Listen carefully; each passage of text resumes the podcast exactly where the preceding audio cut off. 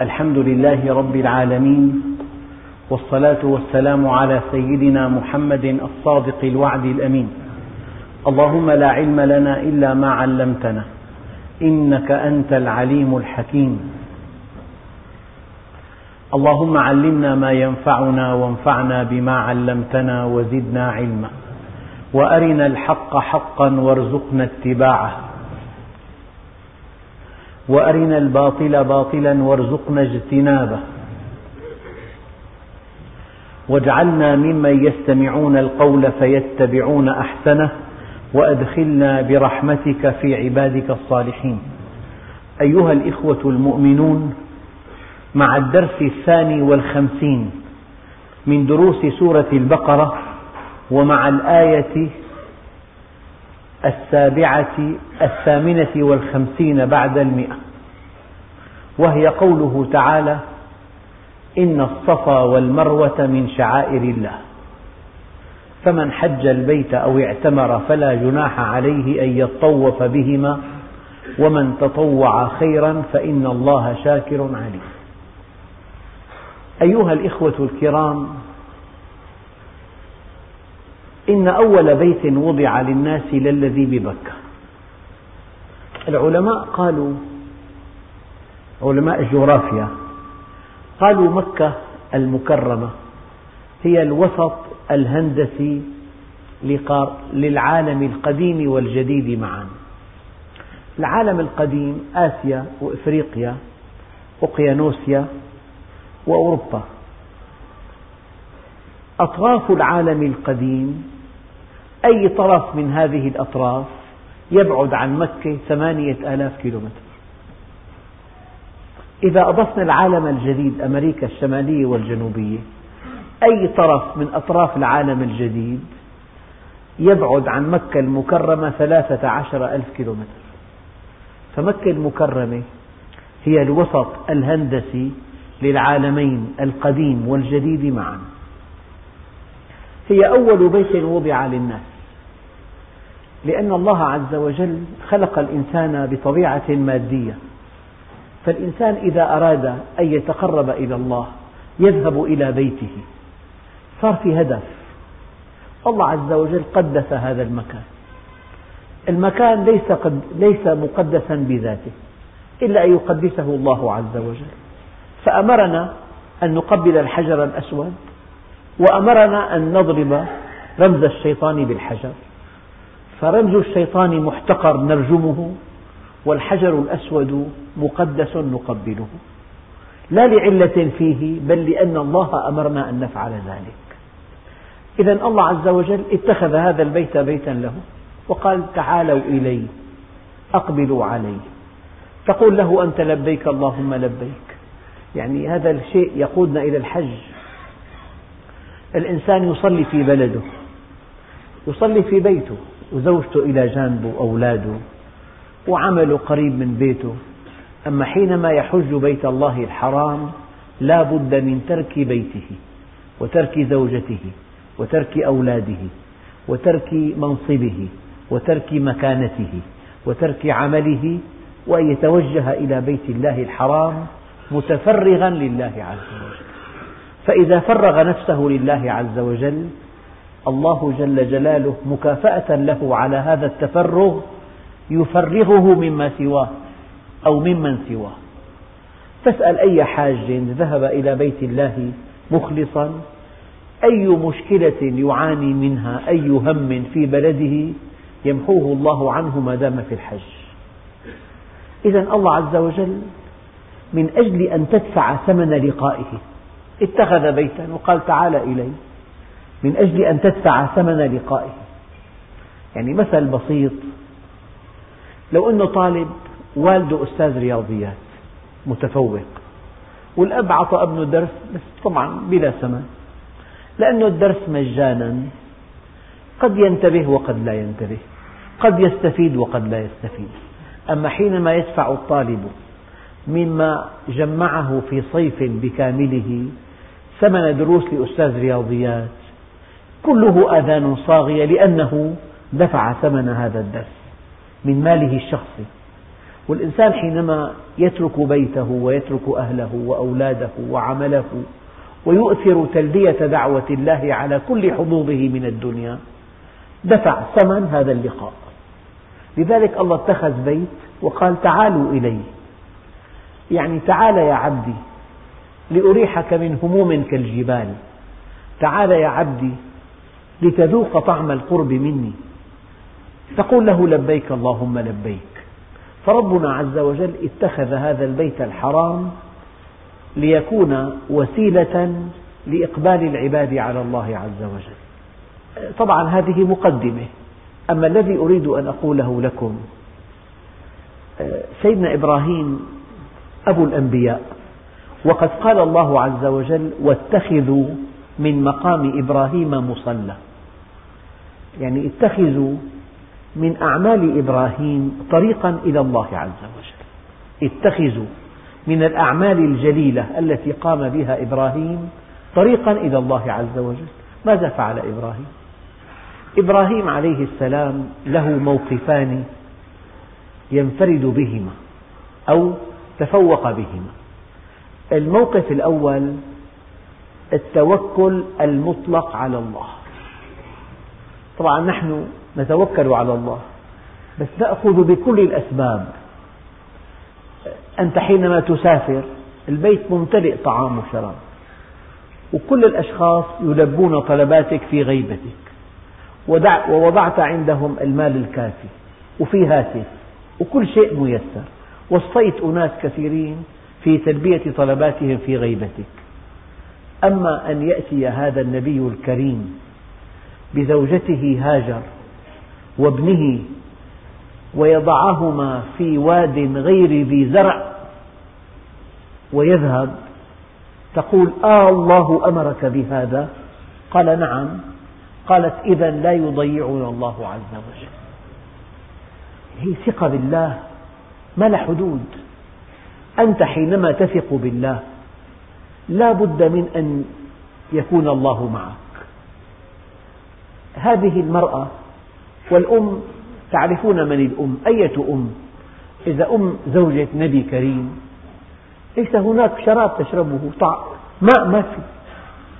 الله أمرك بهذا؟ قال نعم. قالت إذا لن يضيعنا الله عز وجل. وضعها بين الصفا والمروة. صخرتان أو هيك مرتفعان في موقع مكة في أول بيت وضع للناس. فمن شدة حرصها على ابنها وعلى سلامته. أين الماء؟ راحت تسعى بين الصفا والمروة بحثا عن الماء ولكن مسعاها لم يجد شيئا. طفلها الصغير ضرب بقدمه الأرض. أيام تحفر 500 متر مبدئي ابنها الصغير ضرب بقدمه الأرض فانفجر من تحت قدمه نبع زمزم. فربنا عز وجل علمنا بهذا الدرس أنك إذا توكلت على الله حق التوكل كان الله معك ولم يضيعك. طبعا هذا توكل مطلق. نحن لسنا أنبياء. نحن مأمورون أن نأخذ بكل الأسباب وأن نتوكل على الله. يعني رحمة بنا. أما إنسان يضع زوجته وابنه في واد غير ذي زرع يعني ما في ماء. والإنسان كما تعلمون بلا ماء يموت في, أي في أيام معدودة. يعني بعتقد ثلاثة أيام ينتهي. بلا هواء أربع دقائق أو ثلاث دقائق. بلا ماء ثلاثة أيام. فلذلك الله عز وجل علمنا من هذا الدرس كيف أنك إذا وثقت بالله عز وجل كان الله معك. لكن في عنا حكم شرعي وفي عنا موقف شخصي. فالذي فعله هذا النبي الكريم موقف شخصي. بس علمنا مطلق التوكل.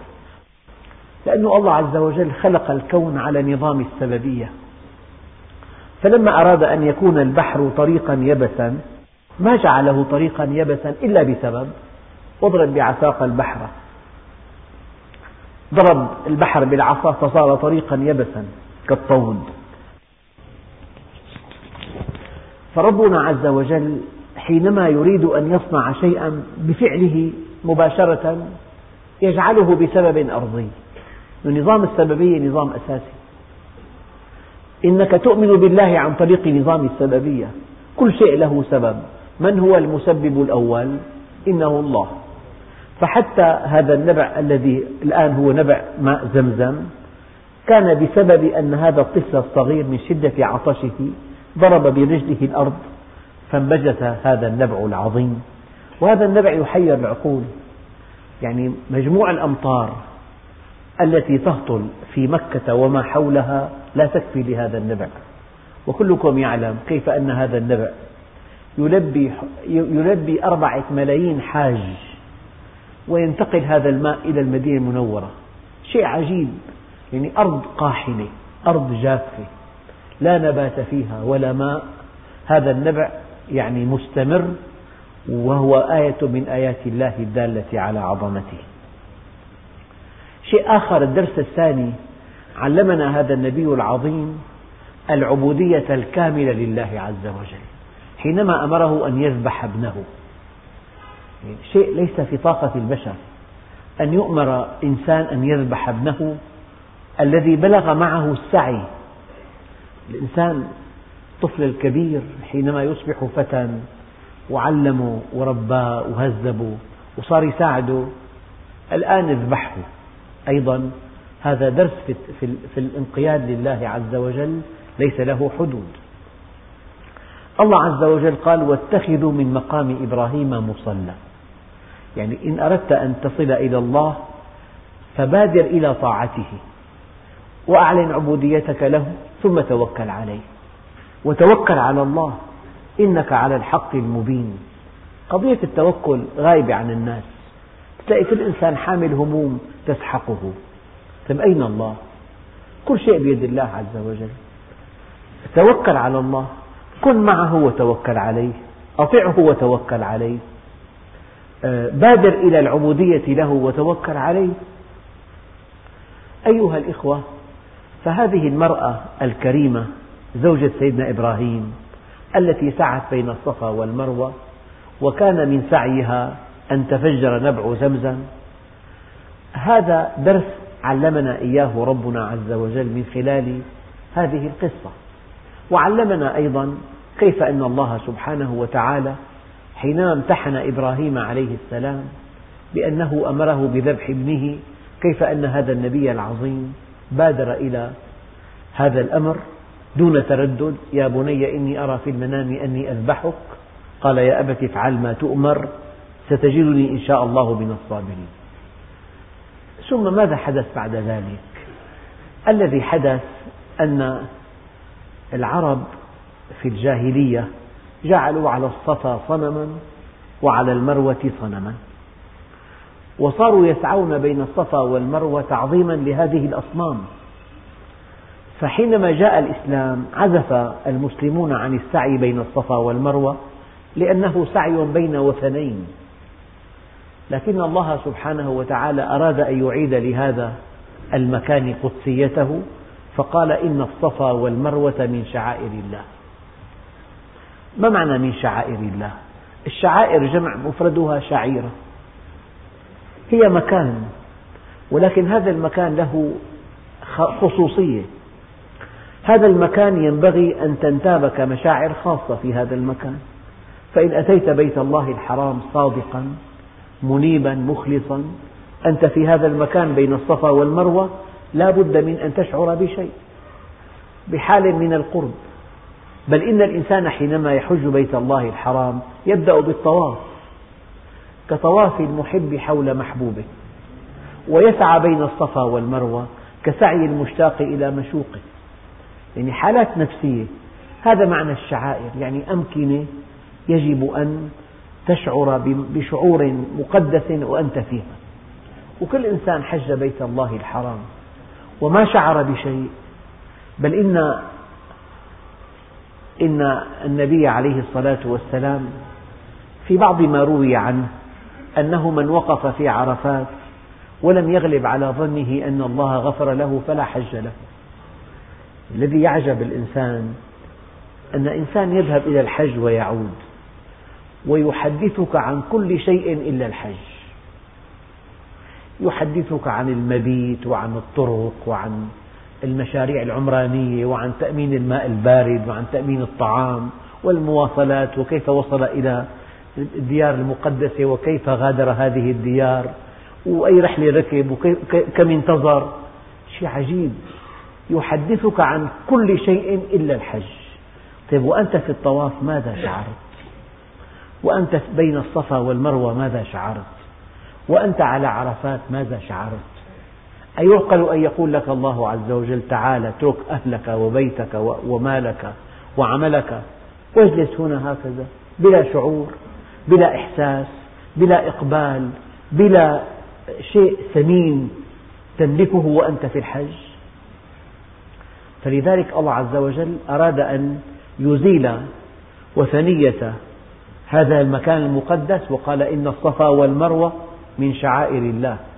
دعوكم من الأصنام التي كانت في الصفا وفي المروة وهذا وهذان المكانان قدسهما الله عز وجل لأنهما يشيرا إلى التوكل الذي علمنا إياه سيدنا إبراهيم.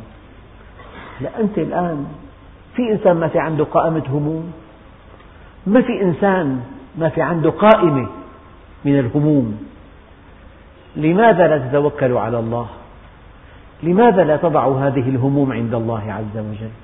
لماذا لا تكتفي أن تطيعه وعلى الله الباقي؟ هذا حال مريح كثير.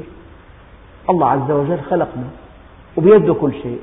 وهو على كل شيء قدير وكل شيء بغيره وكل شيء ببدله. فأنا علي أن أطيعه وعلى الله الباقي. يعني دبر ألا تدبر. لا أقول دع لا أقول تتواكل لا لكن لا لا تجعل الهم يسحق الإنسان. حياة الإنسان معقدة جدا ولا سيما في هذه الأيام. الحياة صعبة الحاجات كثيرة المكاتب قليلة في منافسة في خوف في قلق. في حرمان أحيانا في شعور بالضياع هذا علاجه التوكل. إن الصفا والمروة درس التوكل علمنا إياه ربنا من خلال قصة هاجر زوجة سيدنا إبراهيم. إن الصفا والمروة من شعائر الله. يعني الله عز وجل قال ومن دخله كان آمنا. يعني الله عز وجل يلقي في قلب الحاج من الأمن ما لا يوصف. الشعور بالأمن شعور لا يقدر بثمن. بل إن الشعور بالأمن يعد أثمن شعور يسعد الإنسان. الله عز وجل قال سيهديهم ويصلح بالهم. رفع صلاح البال إلى مستوى الهدى. ومن دخله كان آمنا. كثير في آيات آيات كثيرة جدا. وإذ جعلنا البيت مثابة للناس. واتخذوا من مقام إبراهيم مصلى. يعني أنت حينما تحج بيت الله الحرام تتمنى أن تعود إليه كل عام للسعادة التي ألقاها الله في قلبك. والحقيقة في نقطة دقيقة جدا هي أن اللذة المادية لها شرائط والسعادة الروحية لها شرائط. الله عز وجل جمد كل أسباب اللذة الجسمية يعني بلاد حارة. جعل الحج في وقت محدد. إذا كل هؤلاء الناس سيأتون إلى هذا المكان في وقت واحد. يعني أربعة ملايين إنسان لا بد من أن ينتقلوا من عرفات إلى منى في وقت واحد. أصعب عقدة في الحج النفرة. أربعة ملايين لا بد من أن يطوفوا حول الكعبة. جاء وفد لتنظيم الحج فقدم تقرير مطول للقائمين على الحج في هناك. فكان من بنود هذا التقرير أن يكون الحج على خمس دورات في السنة بعيد عن جو الحج على خمس دورات في السنة. يا الله عز وجل كل أسباب الراحة الجسمية معطلة بالحج. ومع هذه الأسباب المعطلة هناك سعادة تفوق حد التصور لمن كان صادقا في حجه. هذا شيء دقيق. لو أنه المكان جميل والهواء عليل والطعام طيب والمناظر خلابة والحج على مدار العام صار سياحة الحج. الأوراق اختلطت. يا ترى أنت كنت سعيدا بهذه المناظر وهذا الطعام والهواء العليل أم بإقبالك على الله؟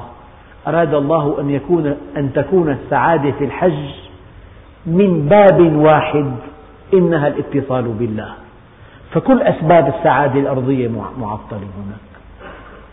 في واد غير ذي زرع عند بيتك المحرم. الحر لا يحتمل. الازدحام لا يحتمل. فالله عز وجل أراد أن تعرف أنك إذا اتصلت به وأنت في أصعب الظروف تكون أسعد الناس. وحينما تنقطع عنه وأنت في أجمل الظروف تكون أشقى الناس. هذه السكينة التي يلقيها الله في قلب المؤمن. يسعد بها ولو فقد كل شيء ويشقى بفقدها ولو ملك كل شيء.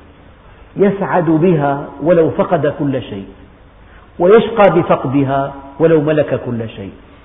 يعني كأن الحج وسيلة فعالة من أجل أن تتصل بالله عز وجل. فرغك. قال له تعال إلي. دع بيتك. دع مكانك المريح. إلى غرفة خاصة. لك مقعد وثير. بين زوجة وأولاد وبنات وأصهار. بعملك ومكتبك. دعك من الدنيا وتعال إلي. تعال وارتدي هذين الثوبين الخشنين. عاري الرأس. حافي القدمين أو شبه حافي القدمين. تعال طف حول الكعبة. اسعى بين الصفا والمروة. انتقل إلى عرفات. ابتهل ادعني توجه إلي. هذه السعادة. فلذلك إذا جلست مع حاج حج حجا مبرورا وقبل الله حجه تشعر أنك في جنة. طيب ما هذه الجنة؟ السفر صعب. ترك الأهل أصعب. والإنفاق شديد. والحر شديد. قال السعادة التي يمتلكها الحاج في اتصاله بالله مع كل الظروف الصعبة التي تحيط به هي دليل أن الإنسان لا يطمئن إلا بذكر الله.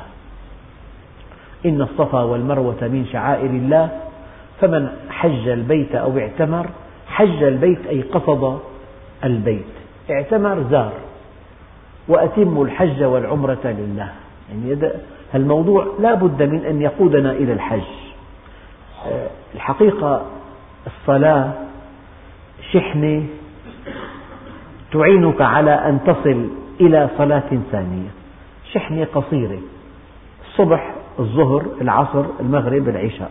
خمس أوقات.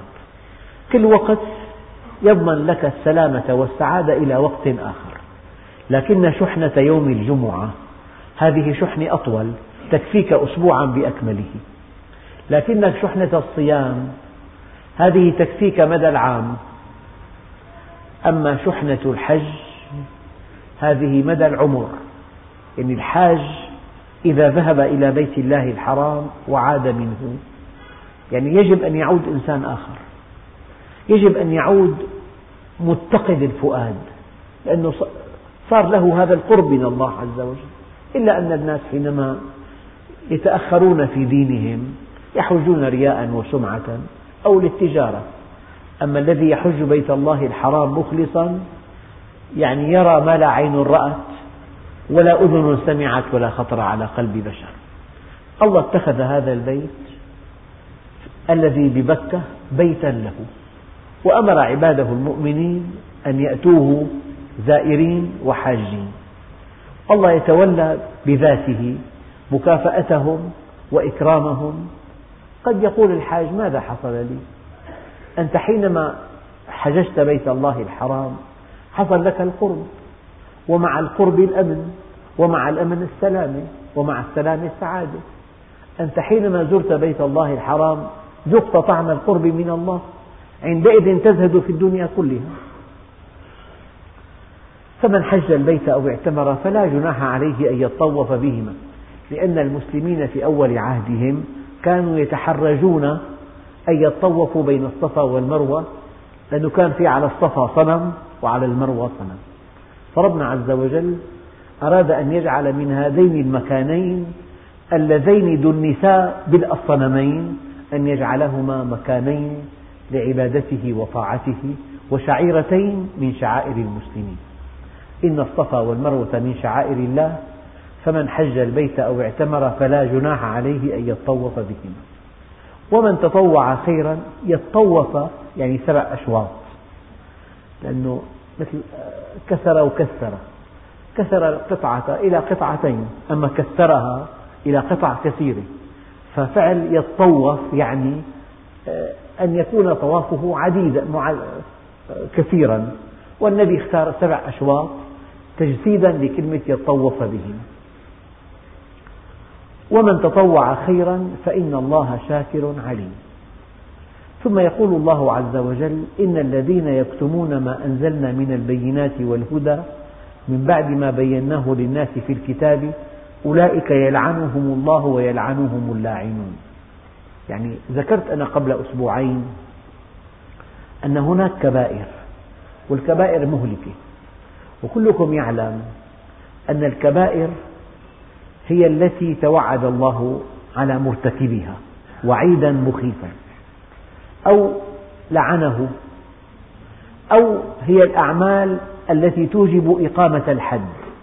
على كل هناك خلاف بين العلماء في تعريف الكبيرة لكن من أجل من أدق أنواع التعاريف للكبيرة أن العمل الذي يستحق صاحبه وعيدا من الله عز وجل.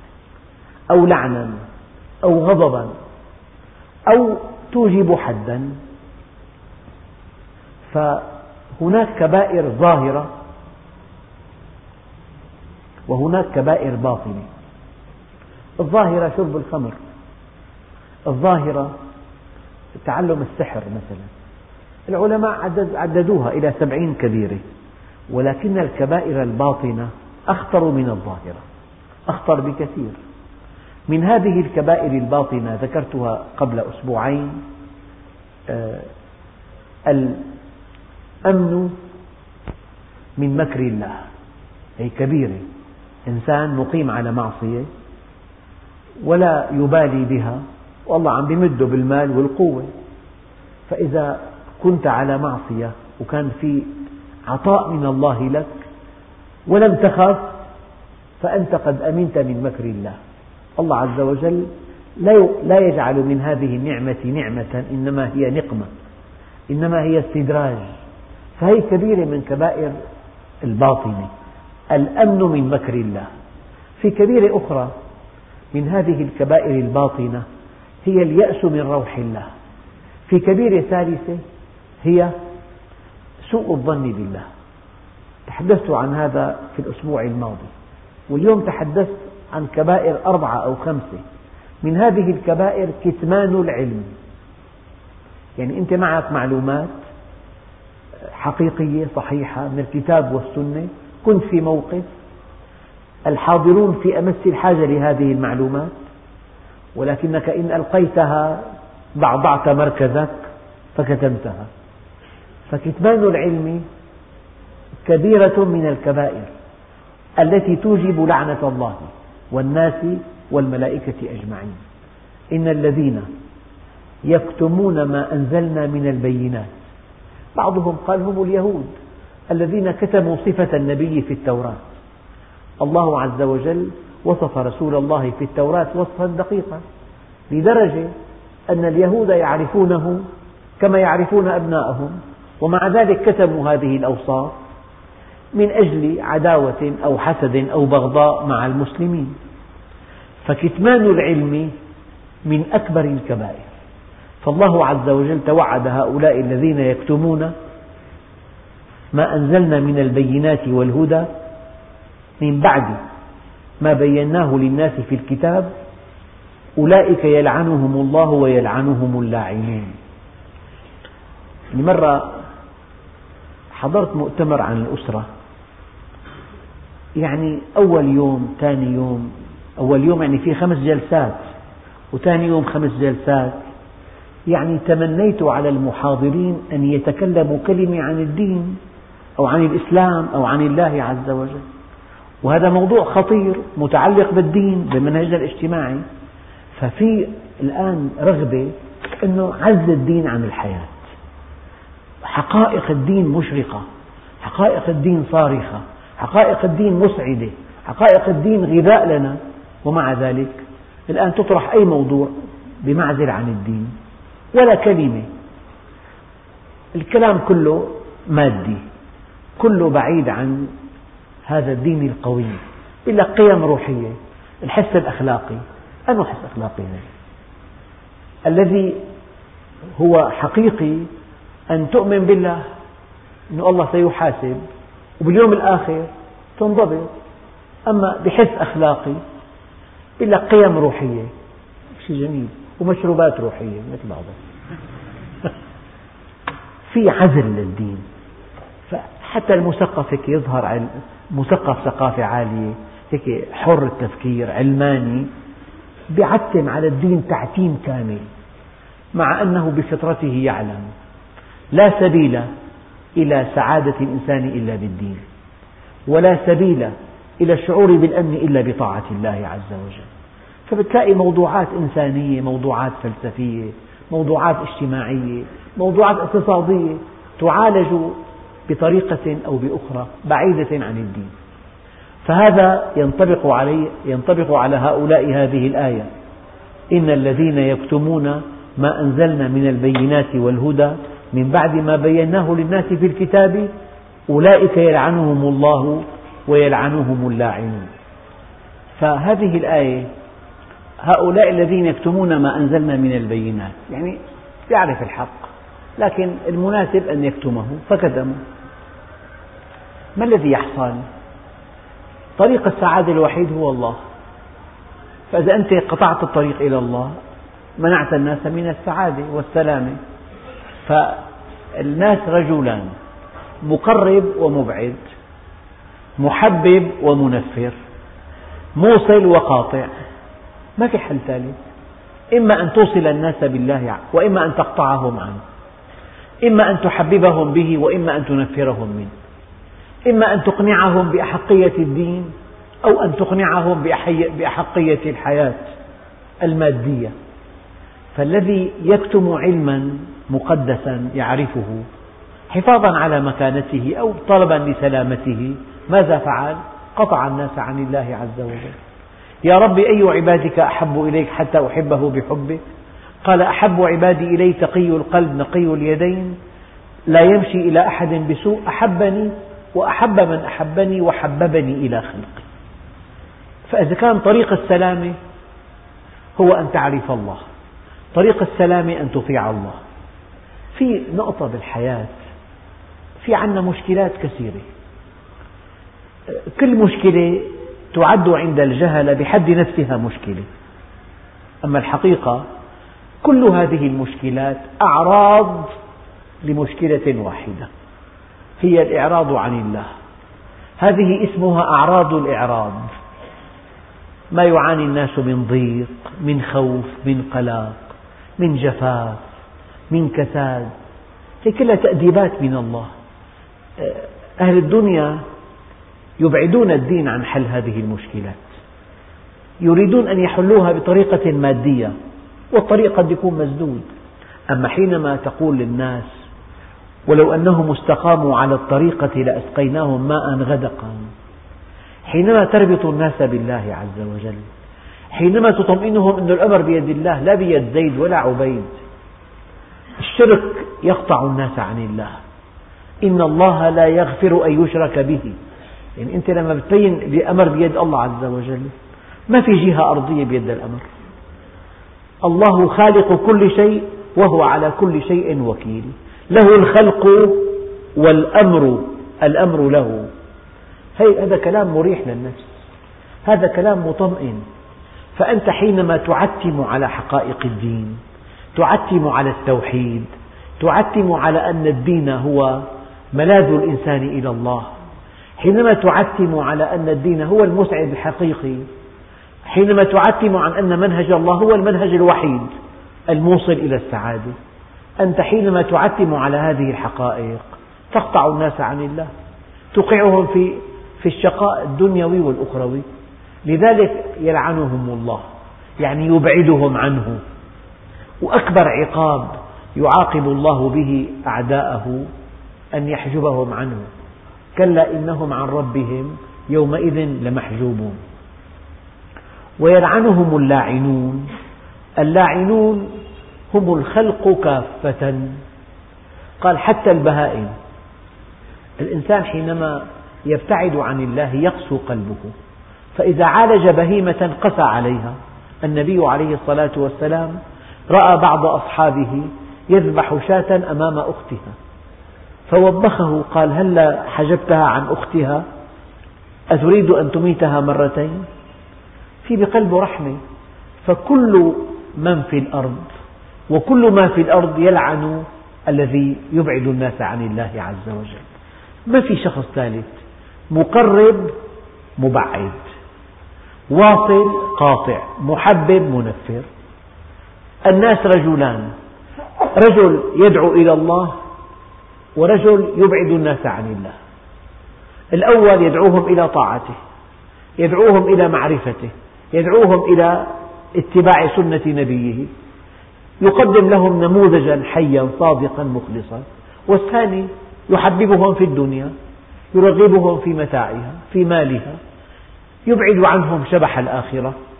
فإذا لماذا هؤلاء الذين يكتمون ما نزل أنزلنا من البينات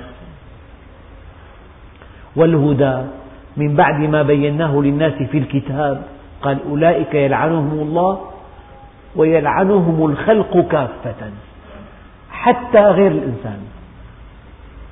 يعني مرة وجدت إنسان يبيع السمك الطازج يصطاد السمك والسمك يتحرك حركة عشوائية يذبحه ويخرج أحشاءه.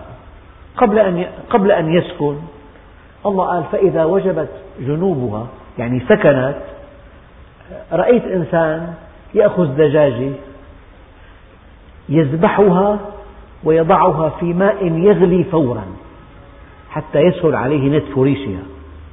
هذا وحش هذا. مخلوق له روح. ذبحتها انتظر حتى تهدأ ثم ضعها في ماء ساخن وهي لا تزال تشعر وتحس يضعها في ماء يغلي. اللاعنون الخلق كافة. فالبعيد عن الله كيفما تحرك يؤذي. لذلك المؤمن إذا مات تبكي عليه السماء والأرض والكافر فما بكت عليهم السماء والأرض. مؤذي لأنه. فالذي يكتم يعني يبعد الناس عن الله طريق السعادة قطعهم عنه طريق الأمن قطعهم عنه طريق التوفيق قطعهم عنه طريق الطمأنينة قطعهم عنه. عيشهم بالدنيا بهموم الدنيا. قال هؤلاء يلعنهم الله يبعدهم عن رحمته ويلعنهم الخلق كافة إلا الذين تابوا رحمة الله هذه دائما في استثناء. إلا الذين تابوا وأصلحوا وبينوا فأولئك أتوب عليهم وأنا التواب الرحيم. إذا كان في كتمان يجب أن يكون هناك تبيين. تابوا عن كتمان العلم وأصلحوا ما أفسدوا سابقا وبينوا. فأولئك أتوب عليهم وأنا التواب الرحيم. في أحد إخواننا له صديق بيعاني من أزمة نفسية فأخذوا إلى طبيب نفسي. فالطبيب سأله عن أحواله قال له له درس علم. قال له هذا السبب. هو درس في أوروبا أنه الدين يعني بيخدر الإنسان بيعقد الإنسان. فحسب دراسته بده يكون له صديقة الشاب حتى يكون سوي صديقة. وبده يكون منفتح على الحياة وهيك يفعل كل شيء بلا قيد ليأكد شخصيته. فهذا الأخ فهيم قدم لها الطبيب عشر أشرطة وكتاب. هالطبيب يبدو أنه صادق بس غابت عنه الحقائق. عكف على قراءة الكتاب وسماع هذه الأشرطة. وبدل كلامه 180 درجة صار يقول الدين بيخلق صحة نفسية عند الإنسان. الدين أساس الأمن عند الإنسان أساس الطمأنينة أساس التألق. يعني كانت هذه الحقائق غابت عنه.